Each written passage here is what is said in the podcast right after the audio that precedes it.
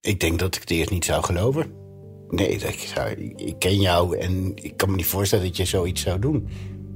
Maar ik denk tegelijkertijd dat iedere ouder wel zo zou reageren.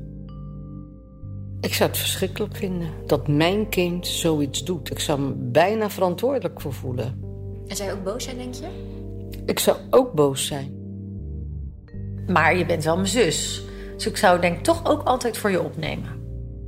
Zou je, denk je, schamen voor mij?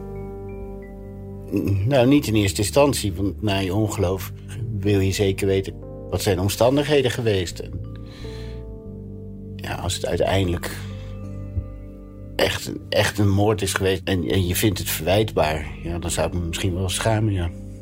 Ik denk dat je eigenlijk alle rouwstappen daarin ook wel zult doorgaan. Maar je zou me wel opzoeken. Ja, dat staat buiten kijf. Ja, Ja? ja. Tuurlijk. Dan zit je daar alleen. Ten eerste ben je toch mijn kind. En in de tweede plaats, eh, je komt ook weer een keer terug in de wereld, in de, in de maatschappij.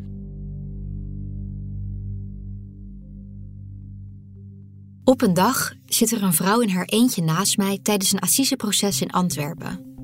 Ik maakte daar een reportage. Mag ik u wat vragen? Het is een brief van het Openbaar Ministerie. Ja, een dagvaarding, hè? En bent u al eerder opgeroepen? Ze is statig, met donker opgestoken haar en een rechte rug. Tijdens de harde beschuldigingen van de procureur lopen de tranen over haar wangen. Maar ze blijft roerloos rechtop zitten. Zelfs wanneer de procureur zijn straf vordert en de nabestaanden van het slachtoffer uit protest opstaan, vanwege de in hun ogen milde strafvordering, doet ze niks. Uit schaamte en schuldgevoel naar de nabestaanden, zal ze me later zeggen, vindt ze dat ze geen recht had op verdriet. Deze ontmoeting maakt een grote indruk op me. Wat doet het met je als een gezinslid een moord pleegt? Het viel me op hoe weinig aandacht daarvoor was. In de media, in de rechtszaal, maar eigenlijk in onze gehele samenleving.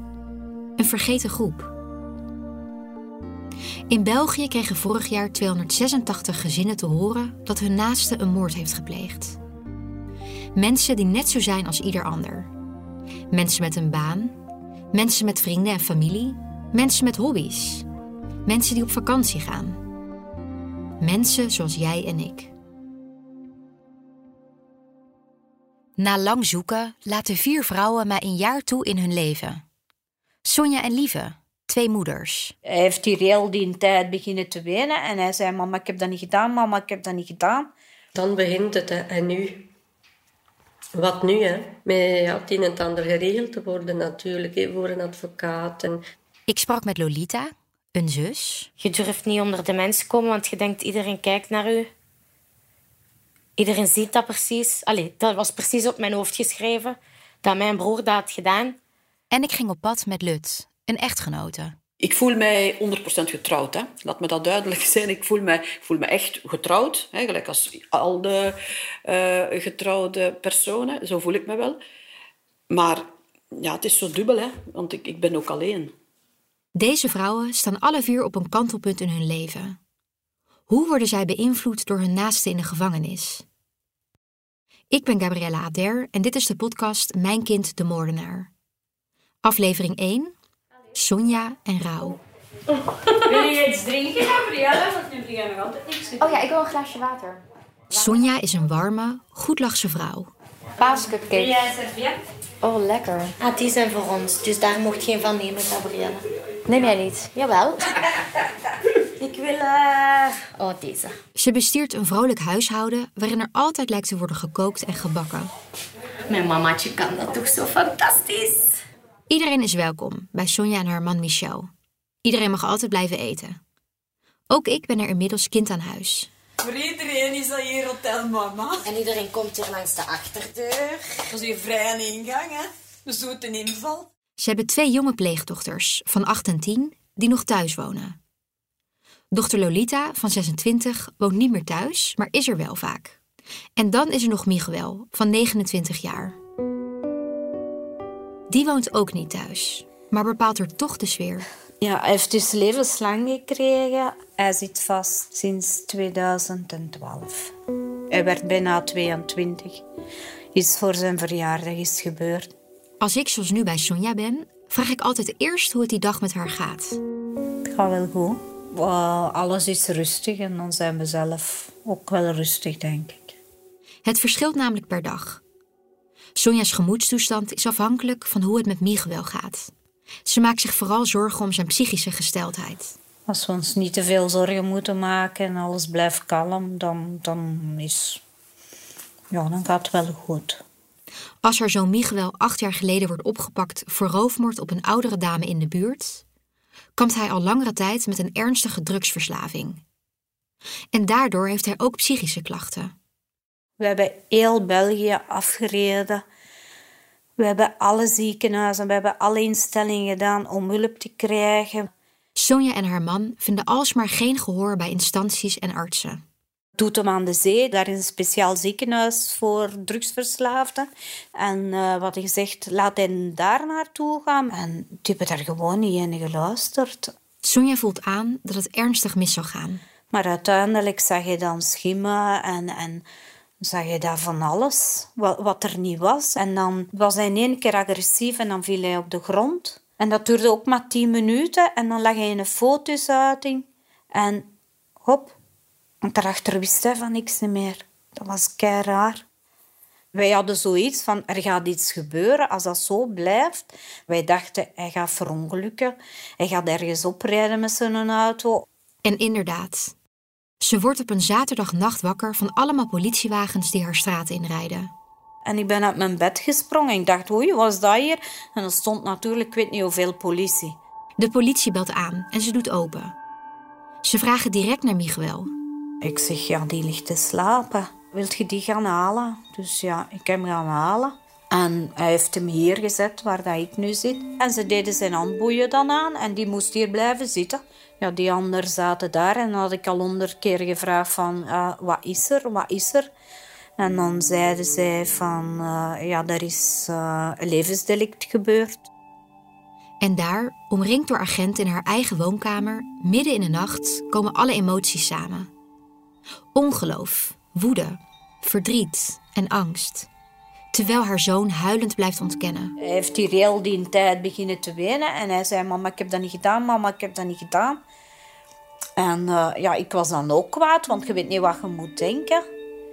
En uh, ze hebben hem dan meegepakt, maar wij wisten niet waar, wat gebeurt er, niks. Want op het moment dat je zoon wordt meegenomen door de politie, wat ging je doen? Ga je thee zetten? Wat, wat ga je doen? We hebben hier zitten wenen en we hebben ons vragen beginnen te stellen. En ja, wat doe je dan? Wij waren zo verbaasd. Dat is zo ingrijpend dat we niks gedaan hebben. Na zenuwslopende uren krijgt Sonja telefoon van een advocaat. Hun zoon Miguel zit vast in voorrechtenis. Ze mogen hem de dag erna bezoeken komt daar de eerste keer in, in je leven. Dat is heel emotioneel en dan, dan gaat er van alles door je hoofd. Hè? Van alles. Hij was al aan het wenen voordat hij binnenkwam, dus ja, wij ook. Sonja ziet haar zoon zoals geen enkele moeder haar zoon wil zien. In een onvervalst gevangenisplunje. Die had uh, een grijs kostuum aan, een veel te grote broek, die vest veel te groot, een witte t-shirt en dan ondergoed wat hij liet zien, waar dat ik knopen in gelegd had, want dat was, die vielen gewoon af, dan onderbroeken. Ik vond dat erg, maar dat was het minste van mijn zorgen eigenlijk. Ik, ik vond het veel erger dat hij daar was, dat we hem daar moesten achterlaten, want we hebben eigenlijk bijna niks kunnen zeggen. We moesten daar direct weg. Ze zijn nog maar net bij Miguel als ze weer weg moeten, omdat de politie voor hun deur staat om onderzoek te doen. Toen wij hier kwamen waren ze zeker met acht à tien man. Die hebben hier een ganse dag zitten zoeken naar alles en nog wat. En dat blijft in de buurt niet onopgemerkt. Hier woont een oudere mevrouw verder. En die stond hier zondags en dat was al van... En heb je het nu gehoord? En dan begint het, hè. Sommige buren die zeggen dan geen goede dag niet meer. En dan uh, blijkbaar wat hier allemaal de laatste jaren gebeurd was, dat, dat had hij in één keer allemaal gedaan. Als dat pas gebeurd was, hebben wij ons eigenlijk twee maanden en een half opgesloten in ons eigen huis. Hoe stom dat dat ook mag zijn. tweeënhalve maand dat wij naar Leuven reden of ergens anders heen waar de mensen ons niet kenden voor een brood. Alhoewel dat hier dan twee bakkers in de buurt zijn. Maar dat je echt kilometers gaat doen om niet bij de omgeving tussen die mensen te moeten komen. Misschien ook uit schaamte voor de reacties van de mensen. De moeder dit, de vader dat, de moeder van. Allee. Even mijn jas aandoen? Ja. Ik ga even naar het toilet eerst. Ja.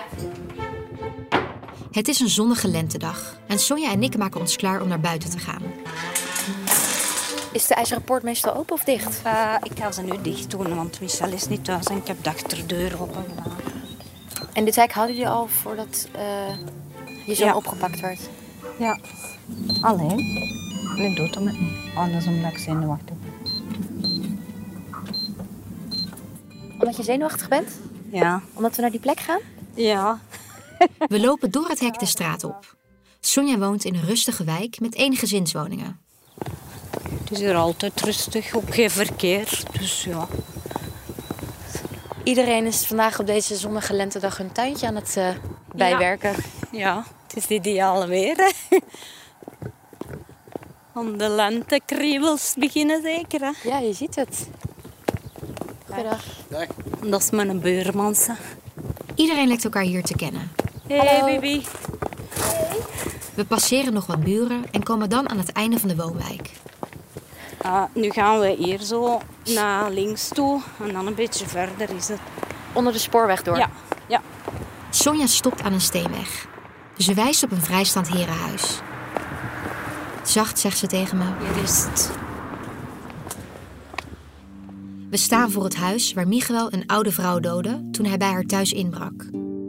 Het is pijnlijk genoeg slechts een steenworp afstand van Sonja's huis. Nu woont er niemand meer. Nu is het op slot. Vroeger stond het altijd open. Dat was ook eh, een mevrouw die, die heel eenzaam was, denk ik. Gewoonlijk rijd ik daar voorbij en ik kijk daar niet in. Sonja pakt mijn arm stevig vast.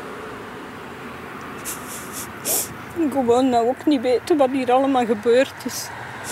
Dat jij er. Doe. We staan onbehagelijk naast elkaar, terwijl de auto's over de steenweg razen. Ik zou liefst hebben dat dat huis hier weg was. Nee, weg. Ja, gaan. We wandelen het korte, steile stukje terug naar Sonja's huis. En ze vertelt me over de oude dame, die iedereen in de buurt kende. Die woonde alleen vroeger met haar zus, maar die is gestorven. Als die nog de been was, dan liep die altijd zo met een lange jas aan. Ja, iedereen kende die ook. Dan pakte die mee in een auto en dan zetten we die voor haar huis af. Want ik heb haar zelf ook al meegepakt, maar de laatste jaren kon die dan niet meer. En dan brachten ze van het winkeltje haar grief als ze gebeld had. Door de plek van het delict te zien, zo dicht bij Sonja's huis en in een buurt waar iedereen elkaar kent, kan ik me voorstellen hoe bekeken Sonja zich gevoeld moest hebben. Net als tijdens het proces van Miguel in 2016. De zaal zat vol nieuwsgierige buurtbewoners, die massaal waren uitgelopen om een glimp van het proces op te vangen. Er zijn ook bepaalde buren gekomen.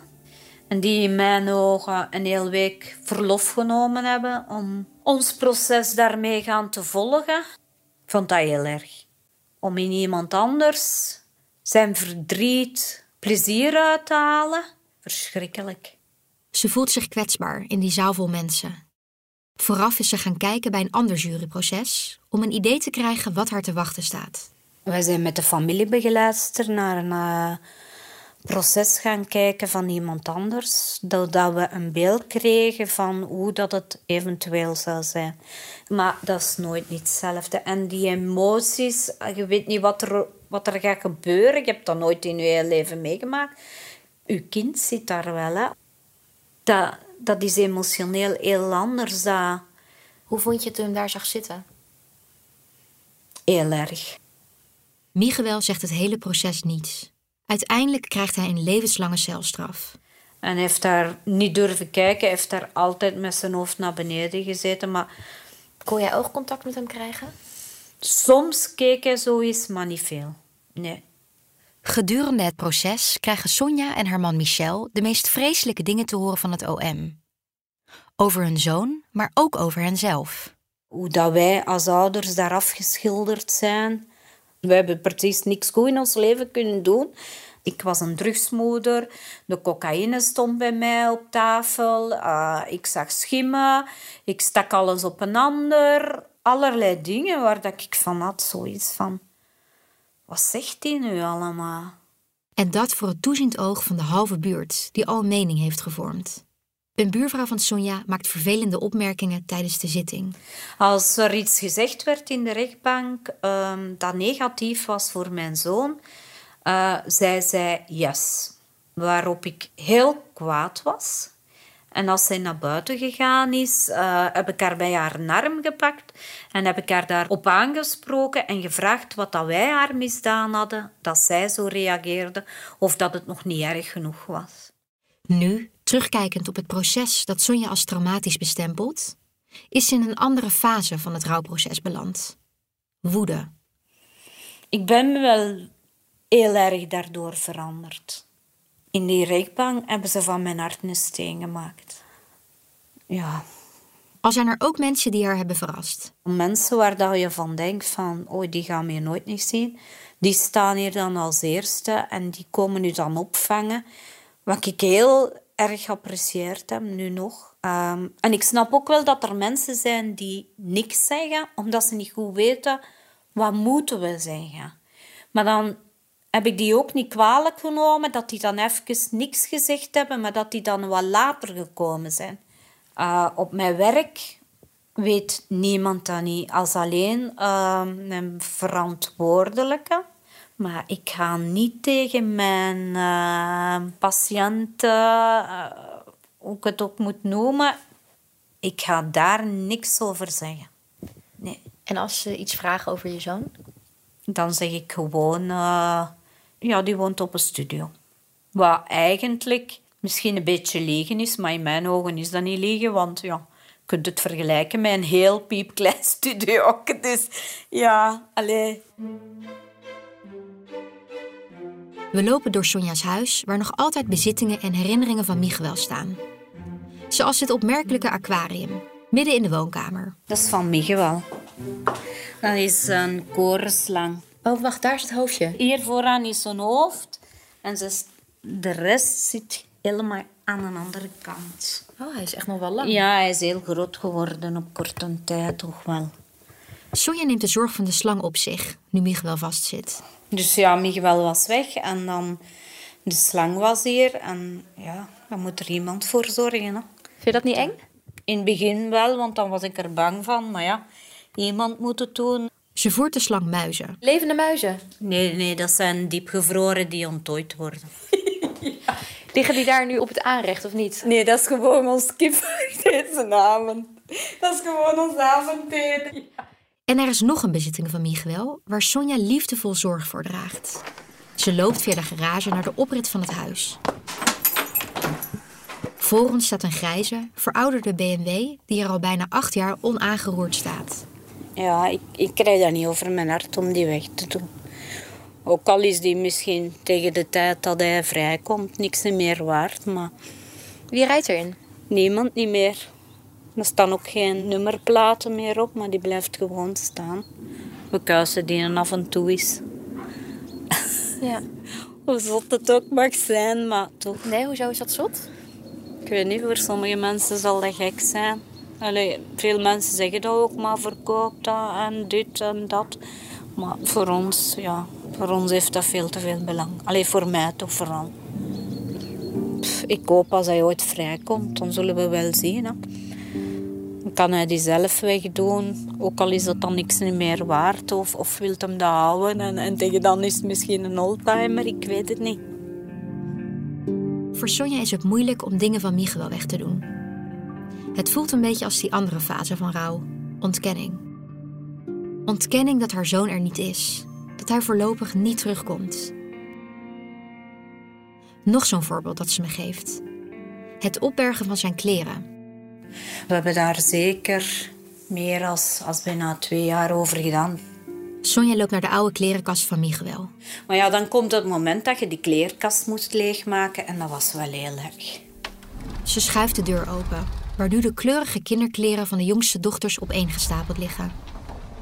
Helemaal achterin ligt Miguel's kleding verstopt. Kleren uithalen, wassen, strijken en terug in. We zijn dan ook even in therapie geweest en dan hebben we dat daar ook over gehad, over die kleren. En wat doe je daarmee? Toen zei de psychiater ook, eigenlijk is dat hetzelfde rouwproces als iemand dat zijn kind verloren heeft. En vond, allee, voor mij was dat heel erg.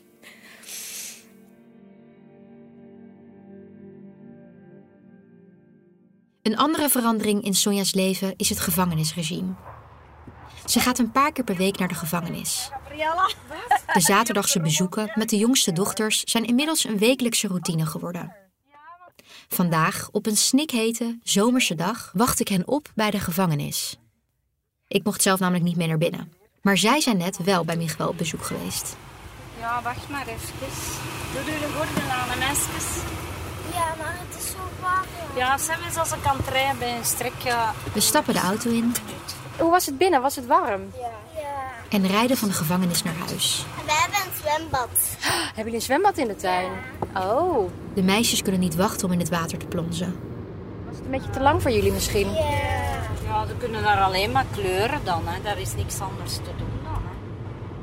Hè. Normaal zingen ze altijd graag één specifiek liedje voor een grote boer, vertelt Sonja. Jasmin, heb je toch al gezongen voor Porselein Miguel? hebben we al gezongen een. Porselein. Vindt Miguel dat het mooiste misschien? Je moet hem lachen als ze dat Omdat, zingen, hè? omdat ik daar een, een choreo bij heb. Oh, daar heb je een dansje bij. Ja. Ja. Porselein, behandel mij heel zacht. Porselein, verblijst zo door je lach. Porselein, berust en ondergaan. Als een winnaar ga je onderuit. Porselein,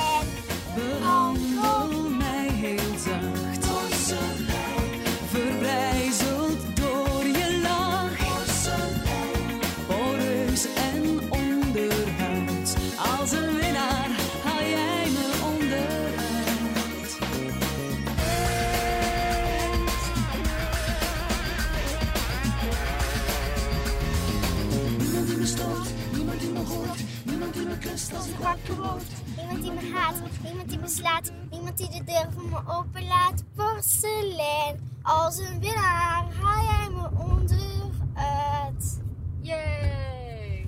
Sonja heeft, zoals elke week, op de terugweg van de gevangenis naar huis broodjes gehaald. De meisjes, Sonja en haar man Michel, eten hun broodje. Terwijl intussen het zwembad gevuld wordt met water. Eet smakelijk. Dank u. Toppie. Ik besef dat Aurora en Eliane, twee smalle, blonde zusjes met lange blonde haren en allebei een bril op, hun broer Miguel alleen maar in de gevangenis hebben gekend. Ik word later advocaat. Oh ja, waarom? Omdat ik dan mijn broer kan helpen. En wat ga je dan doen? Mijn broer helpen om uit de gevangenis te komen. Mhm.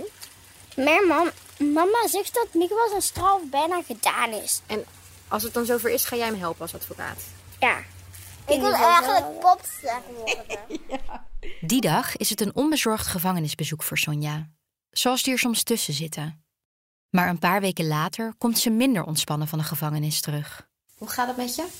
Ja, het gaat wel. Het was, het was wat minder met Miguel. De ogen van Sonja staan moe. En haar doorgaans brede lach heeft plaatsgemaakt voor een zorgelijke blik. Hij had niet zo'n goede dag. En dan zegt hij niet veel, dan eh, is hij zo heel kort een beetje. Dan komt je naar huis en dan, dan is heel uw dag naar de vaantjes. Hè. Allee, dan pak je die zorgen mee naar huis en dan voelt je je ook een hele dag niet goed. hè. Wat heb je toen gedaan uiteindelijk? Ja, niet veel. Hè. We zijn blijven zitten tot bezoek gedaan was en, en naar huis, maar dat blijft in je hoofd spelen van, alleen vandaag was het niet goed en wat moet je dan denken? En ja, dan begint het allemaal te draaien en dat stopt niet. Hè.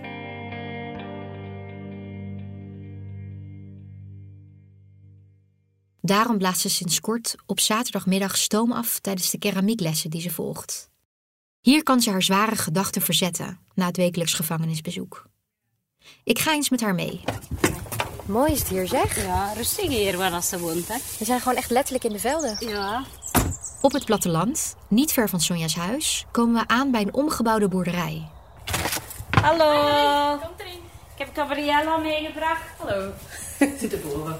Ja. Ja, is maar weg, hè. Is, die kom je ja, en alleen of wat? Boven op een ruime, lichte zolder staat een lange tafel met daaraan een klein aantal vrouwen. Het is er bezaaid met allerlei aardewerk. Nog ongebakken, geglazuurd, sommige gekleurd, andere nog drogend. In keramiek kunnen nooit iets verkeerd doen. Dat is het, het plezante. ehm. Karin, Sonja's aangetrouwde nicht, is van huis uit therapeut en runt hier de boel. Je bent creatief bezig met je handen, maar eigenlijk zijn je je innerlijke wereld aan het neerzetten. Hoe gaat het met die agressie? Hoe gaat het met dat verdriet? Je merkt dat dan gewoon, als je met die emoties vastzit, dat je het op die manier er wel uit krijgt, zonder altijd dat je praat. Karen vraagt Sonja, die haar aardewerk beschildert, hoe het gaat. Je bent daar straks naar de gevangenis geweest en hoe was het daar vandaag? Rustig. Dat was niet... Ja, hij zei wel iets, maar niet, echt niet echt heel veel. En dan is dat zo'n beetje wat heb je gegeten, wat heb je gedaan? Ja, niet veel, op mijn bed gelegen, televisie gelegd. En dat is het. En duren de dagen dan niet te lang? Ja, ik denk dat die dagen er voor iedereen lang duren.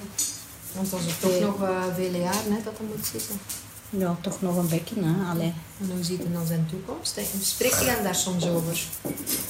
Ja, niet veel. Ik probeer er daar niet te veel over te zeggen, want hij jaagt hem dat toch alleen maar in op. En Sonja verft haar rode keramieke kom en zegt er verder weinig over.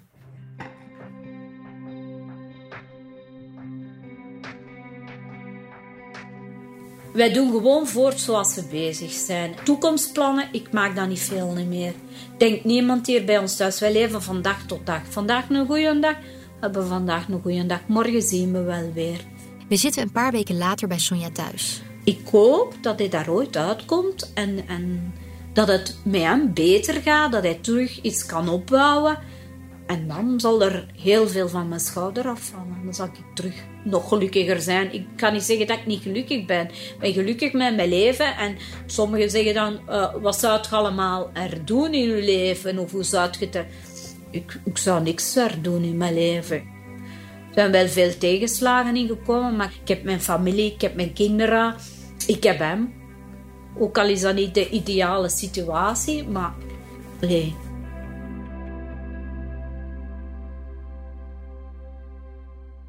En diezelfde avond neemt Sonja me mee naar een cursusavond van Vormingsplus Leuven. Hallo. Hey, dag Bart, dag Gabriella, Sonja.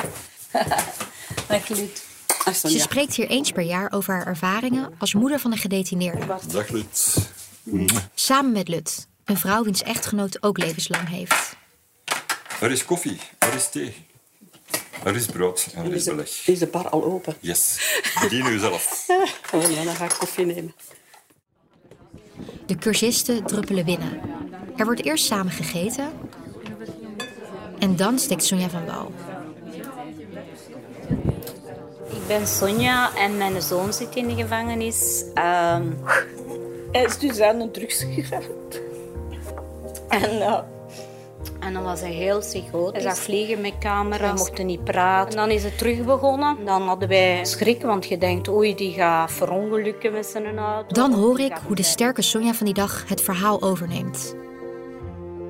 Je leeft anders dan tevoren, maar niet ongelukkig. Je begint meer belang te hechten aan kleine dingen. Haar relatie met haar man Michel is gegroeid. Ik snap wel dat veel mensen, als ze zoiets meemaken, gaan schijnen.